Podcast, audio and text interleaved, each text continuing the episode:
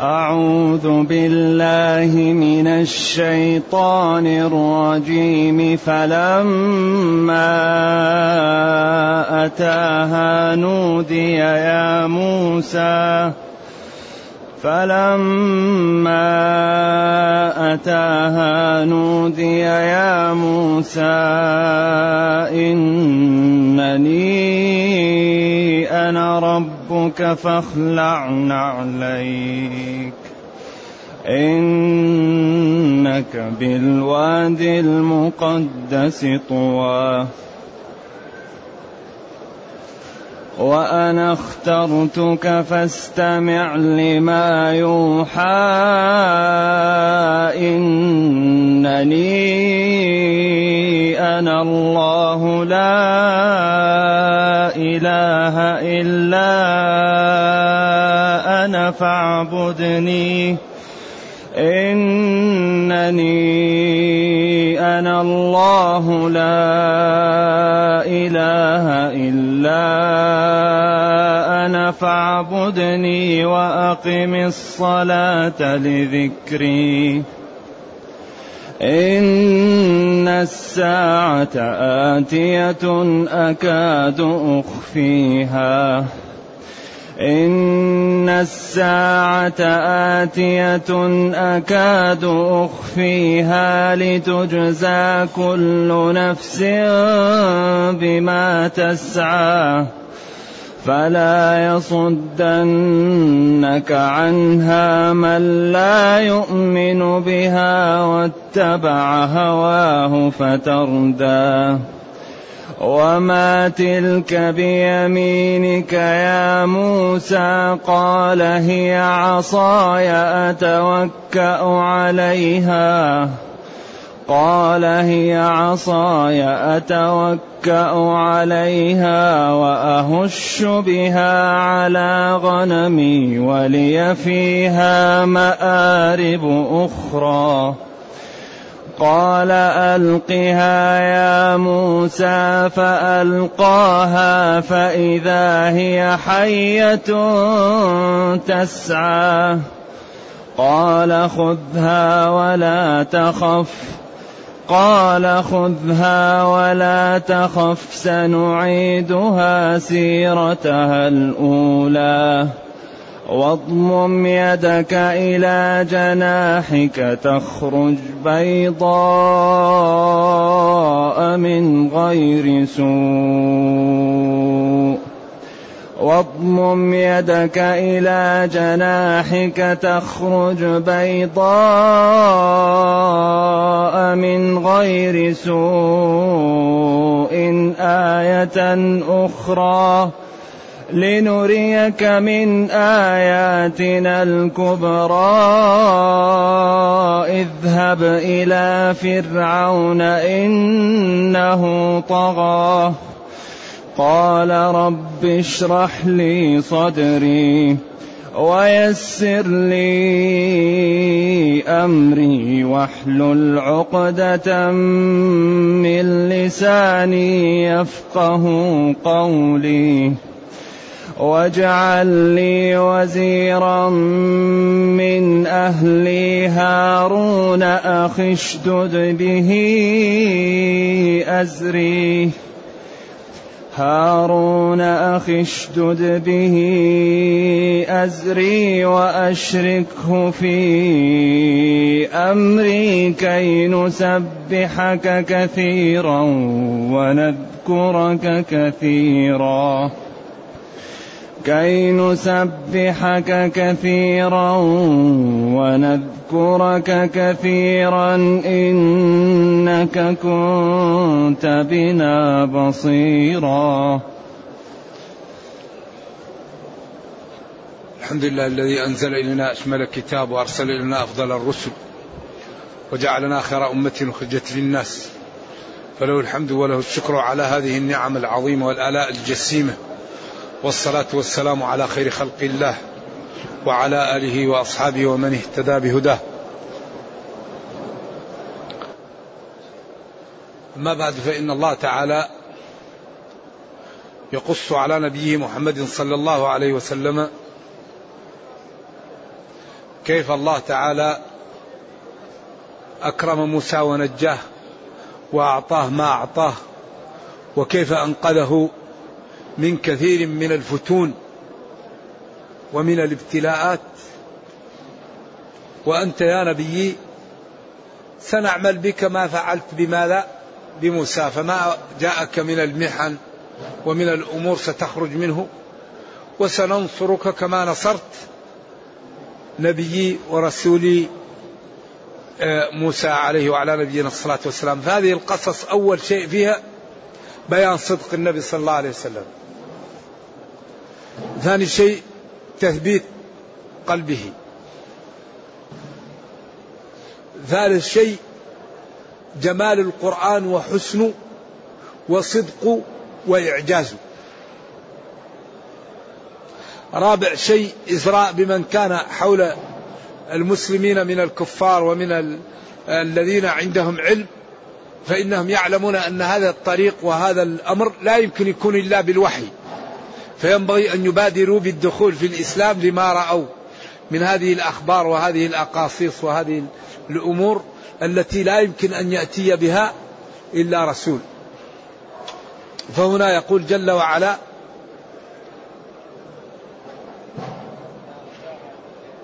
أيوة. فلما أتى للشجرة نودي وحذف الفاعل يا موسى إني إني أنا ربك فخلعنا عليك. إني أنا ربك. هذا النور وهذا الشيء الذي يراه هو من الله تعالى ربك. وهو الذي قدره وهو الذي أراده فاخلعنا عليك. هنا أقوال للمفسرين وإسرائيليات ولكن كبير المفسرين يقول قال له اخلعنا عليك بعدين قال إنك بالوادي المقدس. أما قوله إنه كما ورد عن علي بن أبي طلحة وعن كثير من التابعين أنه كان عنده أكرمكم الله حذيان من الميتة قال هذا لا دليل عليه لأن الآثار التي ورد فيها فيها نظر. وإذا قال الطبري فيها نظر معناها ضعيفة لا ينبغي أن تذكر. أيوة ذكر ذلك وذكره قال إنه بأسانيد فيها نظر يعني ضعيفة. أما قوله إنك بالوادي المقدس هذا هو العلة في خلعنا عليه حتى تجد القدمين من هذا المكان المقدس ما أراد الله لها. إذا خلعنا عليك إنك بالوادي المقدس إن اختلفوا فيها. هل هي حرف توكيد فقط أو هي حرف توكيد وتعليل؟ قولان لعلماء العربية. إذا خلعنا عليك لماذا؟ إنك بالوادي المقدس. إذا هذا اختيار كبير المفسرين أما ما قالوا لأنه كان عنده حذاء من ميتة وهذا قال هذا لا دليل عليه ويحتاج إلى دليل. أما إنك بالوادي المقدس هذا واضح والسياق يدل عليه. طوى أيوة هل مكان اسمه طوى أو طوا يعني مرتين. إنك بالوادي المقدس مرتين. وأنا اخترتك. أنا الله. اخترتك اصطفيتك. ولذلك الرسالة لا علاقة للرسول بها. وإنما هي منحة من الله. العلم منحة من الله. الإيمان منحة من الله. أيوة هذه أمور ولكن الله يمن على من يشاء من عباده. إن نحن إلا بشر مثلكم ولكن الله يمن منا إلهية يعطيها الله. اخترتك اصطفيتك. ألقيت عليك محب. هذه كل أشياء من الله. ولذلك ربنا لا يسأل عما يفعل. الخلق خلقه والأمر أمره والإرادة إرادته. ولكنه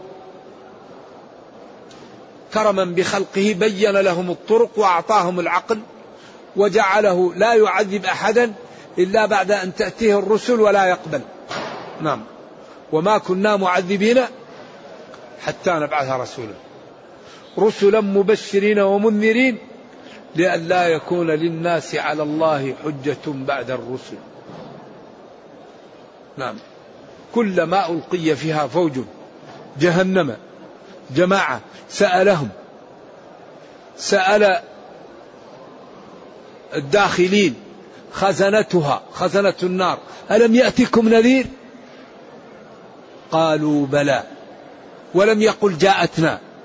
قالوا بلى قد جاءنا نذير فكذبنا. إذا إذا الأمر إليكم إذا إذا هنا وأنا اخترتك اصطفيتك. الاصطفاء من الله.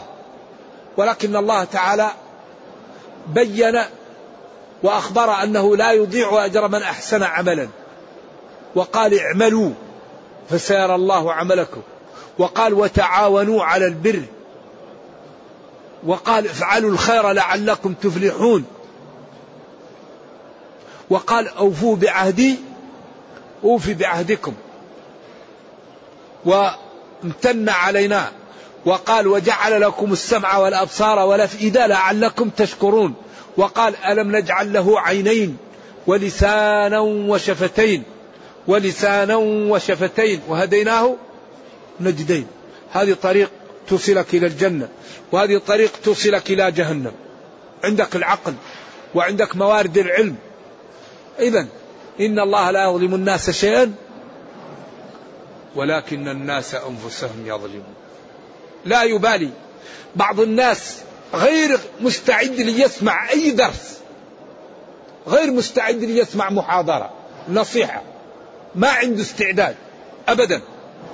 والله يقول وجعل لكم السمع والأبصار والأفئدة لعلكم تشكرون. إذا قلت له يا عبد الله. يقول لك مالك ومالي يا أخي روح عند غيري سألتك ما الذي تريد؟ روح. فإذا أردت تتكلم يحاول يضاربك.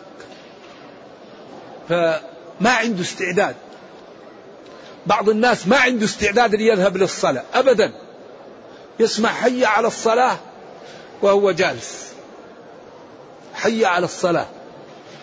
يعني هلم إلى الفلاح هلم إلى النجاة. ما هو مستعد. بعض الناس وقته كله في أعراض المسلمين.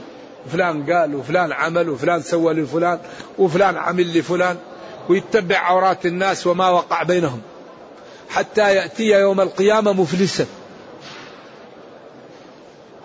بعض الناس الله وفقوا لا يتكلم إلا بخير. الله من عليه. يتكلم بخير أو يسكت. يقرأ قرآن يأمر بالمعروف ينهى عن شر. يأمر بإصلاح. جعله الله خير. ما يريد إلا الخير. إذا هذه منح ومنح إلهية يعطيها الله لخلقه. ولذلك قال وأنا اخترتك. الله اختاره. فاستمع لما يوحى استمع. وأنا اخترتك لا غيري. فاستمع أمر للوجوب. لما يوحى لما يقال لك وتعلم به وينزل عليك. إنني أنا الله. إني أنا الله. الله يقول له إني. أنا لا غيري. الله المعبود بحق. إنني أنا الله. لا إله إلا أنا. إني أنا المعبود بحق. لا إله غيري. لا إله إلا هو إلا الله. الله يقول له إنني أنا المعبود بحق. لا معبود بحق إلا أنا. فاعبدني وحدني أطعني امتثل أمري اجتنب نهي انضوي تحت شرعي. بعدين قال وأقم الصلاة لذكري. لأذكرك أو لتذكرني وقيل أقوال غير هذا. بعدين خوف ونبه على أسباب التكليف وعلى ثمرات التكليف وعلى نتائج التكليف. إن الساعة آتية. أكاد أخفيها عن نفسي كما قال السلف. فكيف بغيري آتية؟ الساعة آتية. ولكن الله تعالى خبأها وأخفاها. لكن أعطانا لها أمارات صغرى وأمارات كبرى. والإنسان إذا مات قامت قيامته. ولذلك قال وما يدريك لعل الساعة تكون قريبة. فيما أنت من ذكرها فيما أنت. أنت من ذكرها إلى ربك منتهاها. إنما أنت منذر من يخشاها. ولذلك ثمرة التكليف والأوامر والنواهي تطلع متى؟ يوم القيامة. إن الساعة آتية. إذا أعبدني والساعة آتية فإنك ستنال الجزاء الأوفاء وترى ثمرات العبادة ونتائجها والعزة التي ستكون فيه بما لا بالامتثال. ذلك دائما ربنا يخوف من يوم القيامة. هذا يوم القيامة هو يوم التمايز هو يوم التفاضل هو يوم التغابن هو الذي من كان يعطش نفسه ويتعبها لدينه ولأمته يكون في المنازل.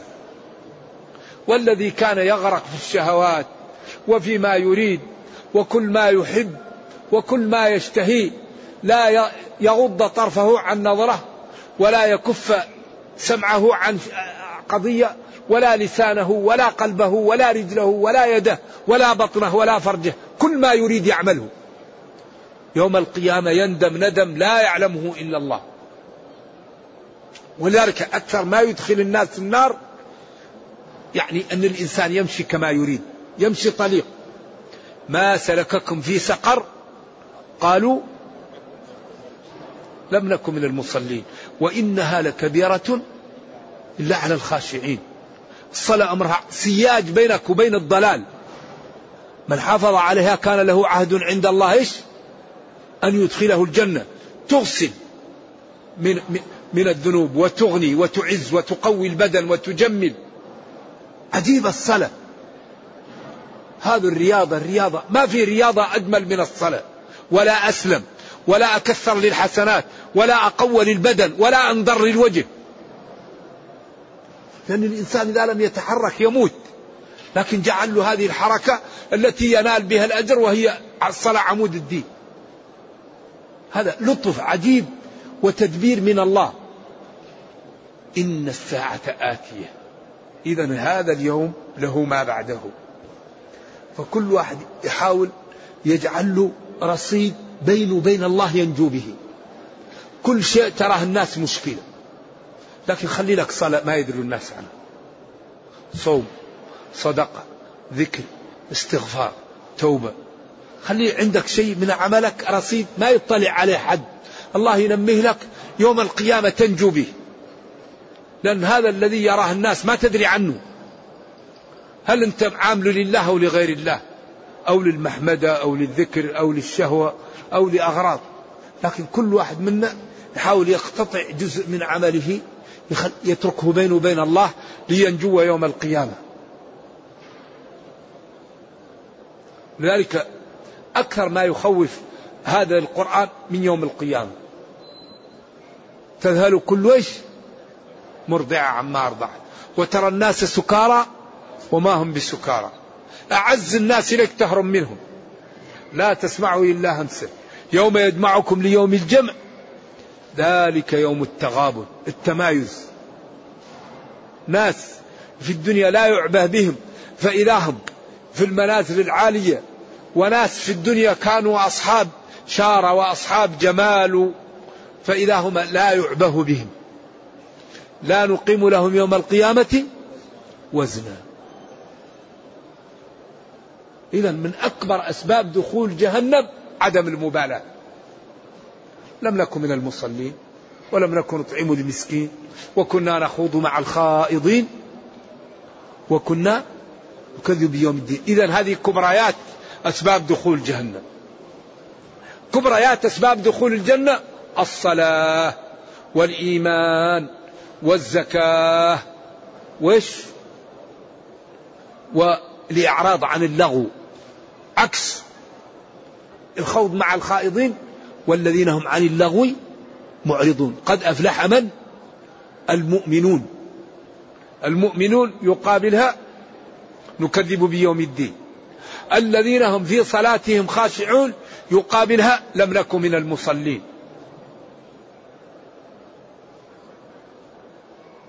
والذين هم للزكاة فاعلون يقابلها لم نكن نطعم المسكين. والذين هم عن اللغو معرضون يقابلها وكنا نخوض مع الخائضين. إذا هذه أربعة كبريات دخول الجنة وهذه أربعة كبريات دخول جهنم. وقال كتاب أنزلناه إليك إيش؟ مبارك. كثير البركة كثير النفع كثير آه، يعني حل لإشكالات العالم لما تعيشه الكرة الأرضية من ضلال ومن كفر كله حل في الإسلام. كتاب أنزلناه إليك مبارك. كثير البركة كثير النفع ليدبروا آياته يتأملوا آياته ويعملوا بها فإنهم إن فعلوا ذلك صلحت لهم دنياهم وصلحت لهم أخراهم. إذا يقول تعالى إن الساعة آتية. لا ريب فيها أكاد أخفيها. قيل أكاد إذا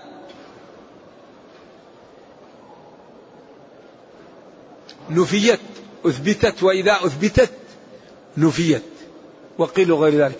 قال وما كادوا يفعلون أي فعلوا لكن بعد شدة إن الساعة آتية أكاد أخفيها. أخفيها إلا إذا جاءت. لا يعلمها إلا الله.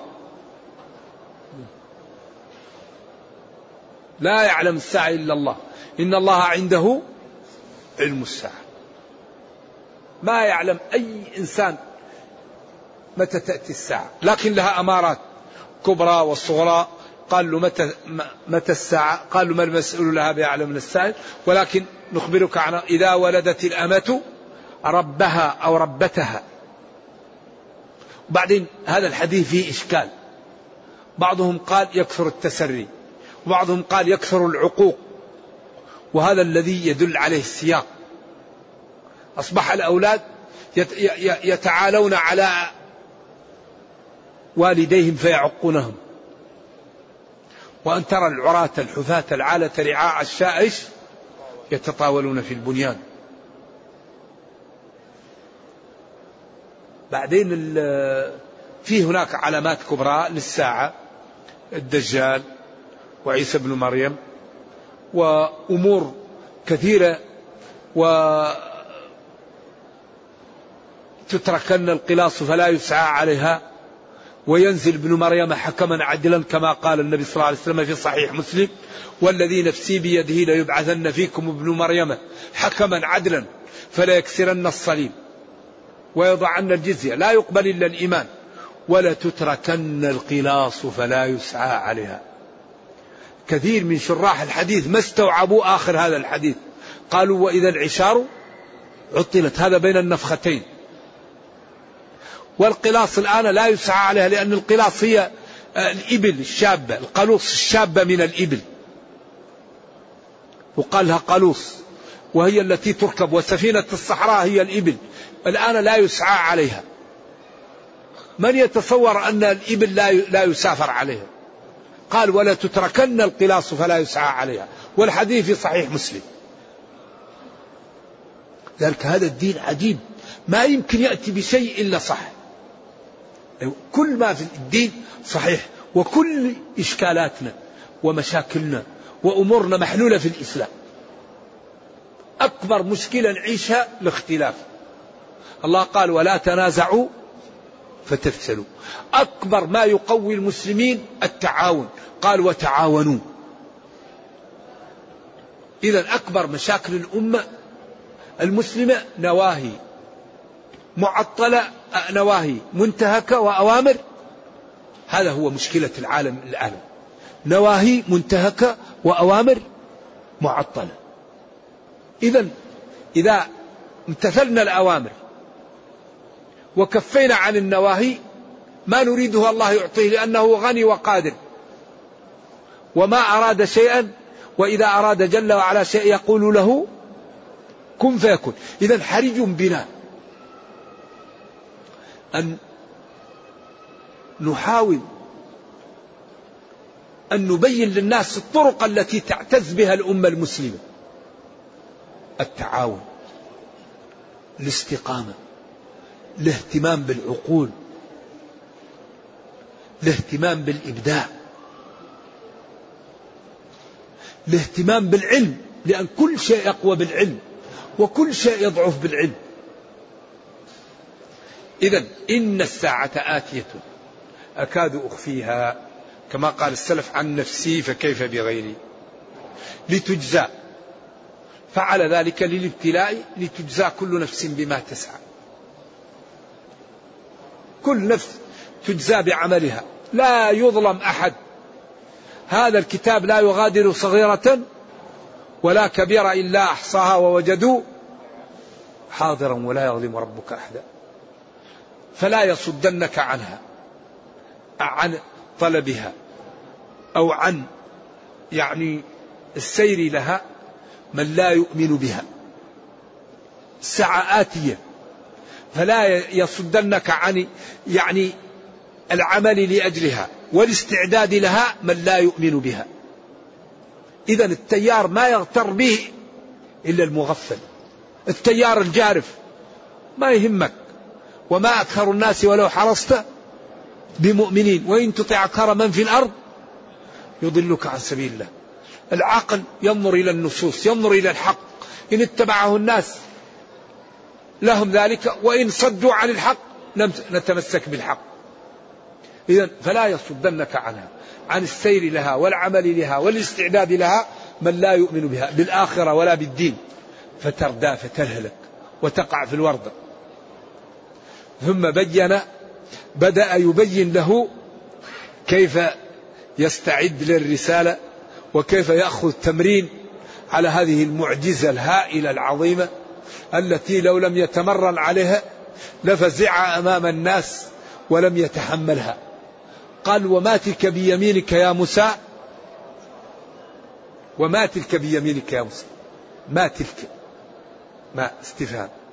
تلك إشارة إلى العصا بيمينك يا موسى. هنا قال علماء البلاغة هذه فرصة موسى. كان موسى يمكن يقول له هي عصاي. لكن موسى يناجي ربه وموقف في غاية العزة والكرامة والرفعة والاحترام. قال له هي عصاي أتوكأ عليها وأهش بها على غنمي ولي فيها مآرب أخرى. لأن الموقف هنا موقف التوسع فيه ممتاز. أنه موقف يناجي ربه ويكلمه ففرصة فكان يقول له هي عصايا لكن قال له لا هي عصايا أتوكأ عليها. يعني إذا مشيت أتوكأ عليها. وأهش بها. الهش على القول الراجح أن يأخذ العصا ويضعها فيش ليس يضرب لا يضعها في الشجرة ويهزها ما يكسر يهزها حتى تتساقط الأوراق أيوة. يعني يأخذ العصا ويحطها في في الغصن ويحركه بقوة. فت أيوة. هذا الذي اختاره بعض المحققين. نعم. وقيل يضربها لكن هذا أقوى. وأهش بها على غنمي ولي فيها مآرب أخرى. أضرب بها الأعداء أضرب بها الحيات والأسود. وإذا رآها اللص يخاف ويهرب. لذلك المسلم ينبغي دائما تكون عنده عصا. هي مع الأسف سنة لكن كثير من أيوة. لو الواحد تكون عنده عصا طيبة لو بالأخص إذا كبرت سنه يتوكى عليها وتساعده.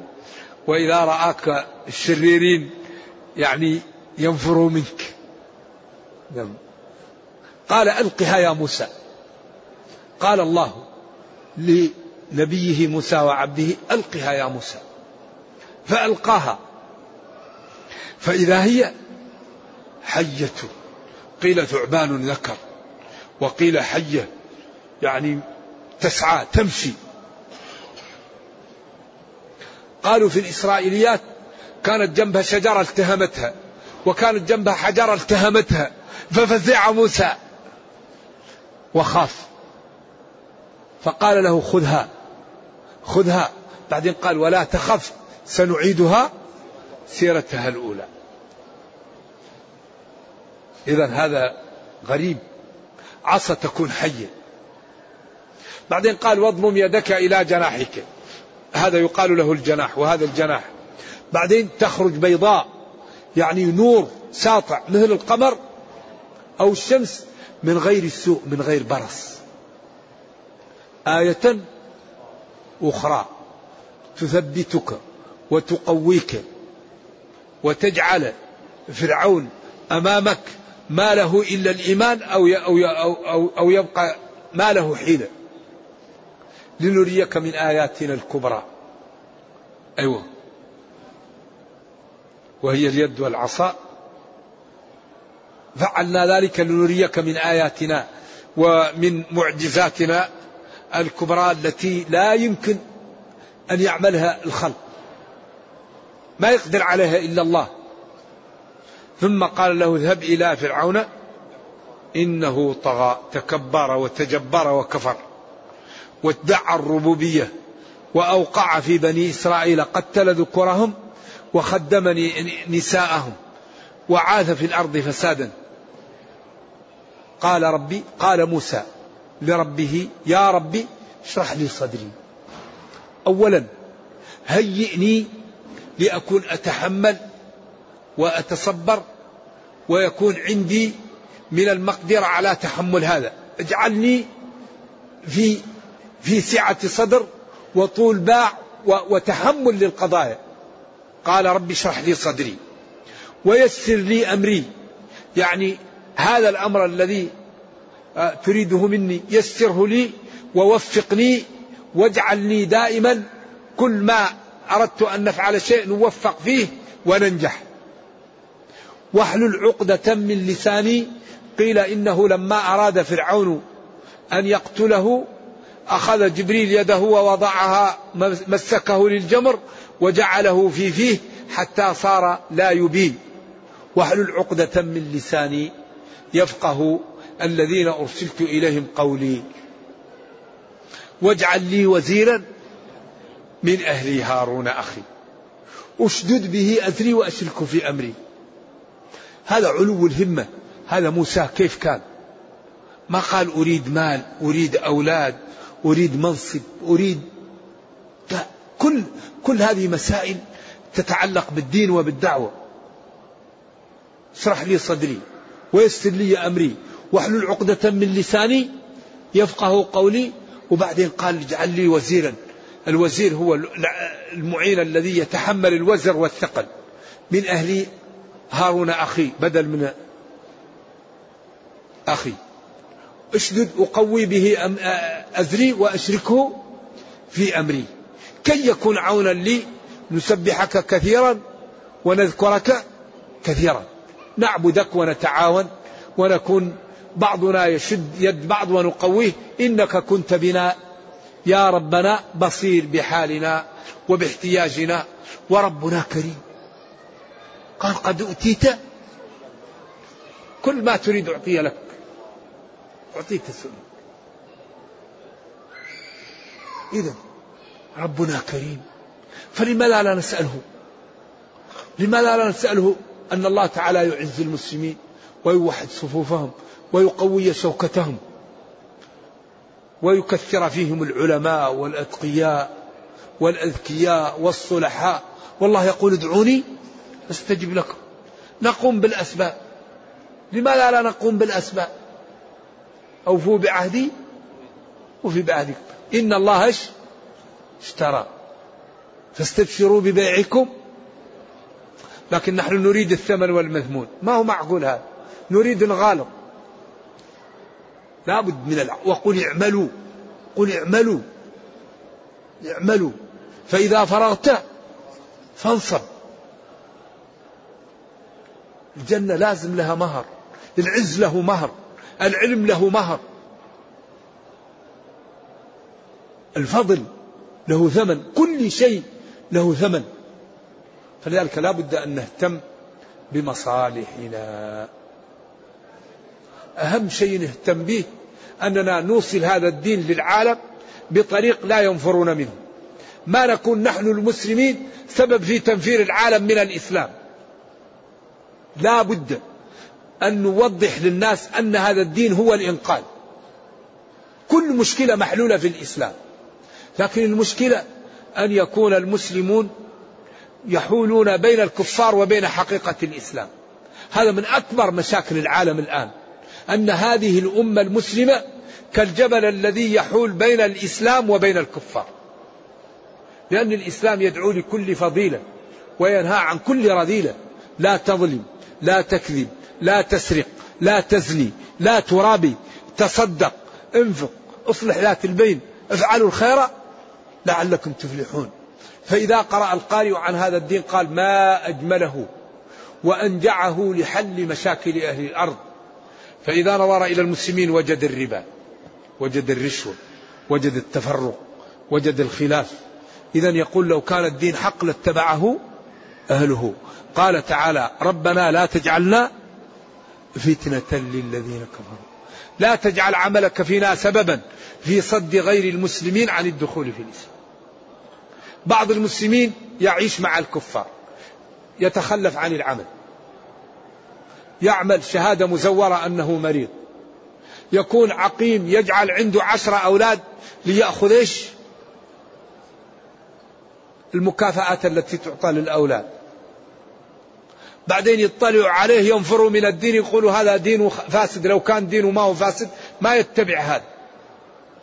إذا الذي يعيش من المسلمين بين ظهراني الكفار أهم شيء يستقيم لا يكذب لا يظلم لا يزور لا يشرب الخمر لا يخالط الأجنبيات لا يأكل الخنزير لا يأكل الميتة. لأنك أنت مع الكفار سفير للإسلام فينبغي أن تتقي الله ولا تكون سبب في تنفير الكفار عن الإسلام. كن سبب في تأليف الناس للدين. وهذا الحقيقة أكبر ما يعوق الآن العالم الغير مسلم عن الإسلام أخلاق كثير من المسلمين الذين يعيشون بينهم. ولذلك ينبغي لنا أن نجتهد لإيصال هذا الدين إلى غير المسلمين الدين السليم الذي لا بدعة فيه ولا يعني مخالفة. الدين الحق كما قال تعالى من بين فرث ودم لبنا خالصا سائغا للشارب الدين ما فيه رهبانية ولا فيه الأغلال والآثار. وأباح القود وأباح العفو وأباح الدية. هذا النصارى ما عندهم إلا العفو. أول كان ما فيه الواحد إذا تنجس ثوبه يقطعه.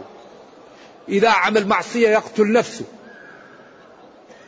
اقتلوا أنفسكم. أما نحن فتاب الله علينا وأتانا بشريعة سمحة من تاب تاب الله عليه ومن عمل ذنب له خيارات. من أراد القود ومن أراد الدية ومن أراد العفو. كل سهل. دين ميسر. فحري بنا أن نفهمه وأن نعمل به وأن ندعو الناس إليه وما أردناه أعطاه لنا ربنا. لأنه قادر وكريم ولا يضيع أجر من أحسن عمل لكن لا بد من المكابدة. ما يمكن هذا الدين يقوى بمن لم يكابده. والذين جاهدوا فينا لنهدينهم. جاهدوا. نرجو الله جل وعلا أن يجعلنا من المتقين وأن يرينا الحق حقا ويرزقنا اتباعه وأن يرينا الباطل باطلا ويرزقنا اجتنابه. وأن لا يجعل الأمر ملتبسا علينا فنضل. اللهم ربنا أتنا في الدنيا حسنة وفي الآخرة حسنة وقنا عذاب النار. سبحان ربك رب العزة عما يصفون وسلام على المرسلين والحمد لله رب العالمين. والسلام عليكم ورحمة الله وبركاته. في قوله تعالى أم أنا خير من هذا الذي هو مهين ولا يكاد يبين. نعم هذا في أول أمر موسى كان لا يبين. ولكن قال واحلل عقدة من لساني وقال له ربه قد أوتيت سؤلك يا موسى. فأصبح يبين وكان هذا في أول الأمر وهذا يدل عليه. طبعا من الأمور الذي يدل على أن هذا كان في الشتاء. سفر موسى. لأنه قال و وأنه ذهب عن الطريق. هذا ثابت في سياق السورة في سياق الآيات. لأن الآيات ذكرت في النمل وفي القصص وفي الشعراء وفي الأعراف. ونحن الآن أيضا في طه. نعم. يقول يقول ما هو السواك؟ الأفصح تقول ما السواك؟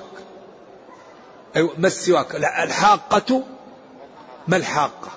ما هو؟ لا تقول ما السواك؟ مثلا آه هل هو قبل الوضوء أم عند الإقامة للصلاة؟ النبي صلى الله عليه وسلم قال لولا أن أشق على أمتي لأمرتهم بالسواك عند كل صلاة. لكن لم يرى النبي صلى الله عليه وسلم يستاك في المسجد.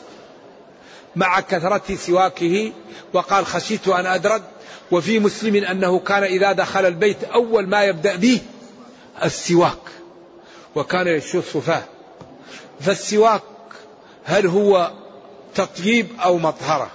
وعلى ذلك هل يكون باليمين أو باليسار؟ ولذلك قال إذا قمتم إلى الصلاة إيش؟ فاغسلوا وجوهكم. هل الإنسان يتوضأ في المسجد أو خارج المسجد؟ كما أنه أيضا إذا أراد أن يستاك يخرج من المسجد ويستاك كما أنه يتوضأ. أما يستاك في المسجد وبعدين يمكن يكون اللثة فيها عدم إيش؟ فينزل دم أو ينزل وسخ يبلعه مشكلة. أو بعدين مشكلة. فالسواك يكون إيش يكون خارج المسجد هذا الذي يظهر. وإذا عمله الإنسان في المسجد ما نقدر نقول له شيء لأنه قال عند كل صلاة لكن لم يرى النبي صلى الله عليه وسلم يستاك في المسجد. وقال لقد كان لكم في رسول الله أسوة حسنة. رؤي بعض الصحابة عنده مسواك على أذنه. حط المسواك على أذنه. وهل السواك تطييب أو مطهرة؟ إذا كان تطييب باليمنى وإذا كان تطهير فباليسرى. والسواك طيب ومفيد ولكن الأولى أن الإنسان إذا أراد أن يستاك يستاك خارج المسجد. كما أنه إذا أراد أن يتوضأ يتوضأ خارج المسجد. والدليل أنه لم يرى نبينا يستاك داخل المسجد. والله يقول لقد كان لكم في رسول الله أما إذا عند كل صلاة أي كما قال إذا إذا قرأت القرآن أي أردت قراءة القرآن. إذا قمتم إلى الصلاة أي إذا أردتم القيام. إذا عند كل صلاة إذا أردتم الصلاة فتستاكوا لأن المقتضى هو اللي يدل على هذا والأمر إن شاء الله سهل. نعم.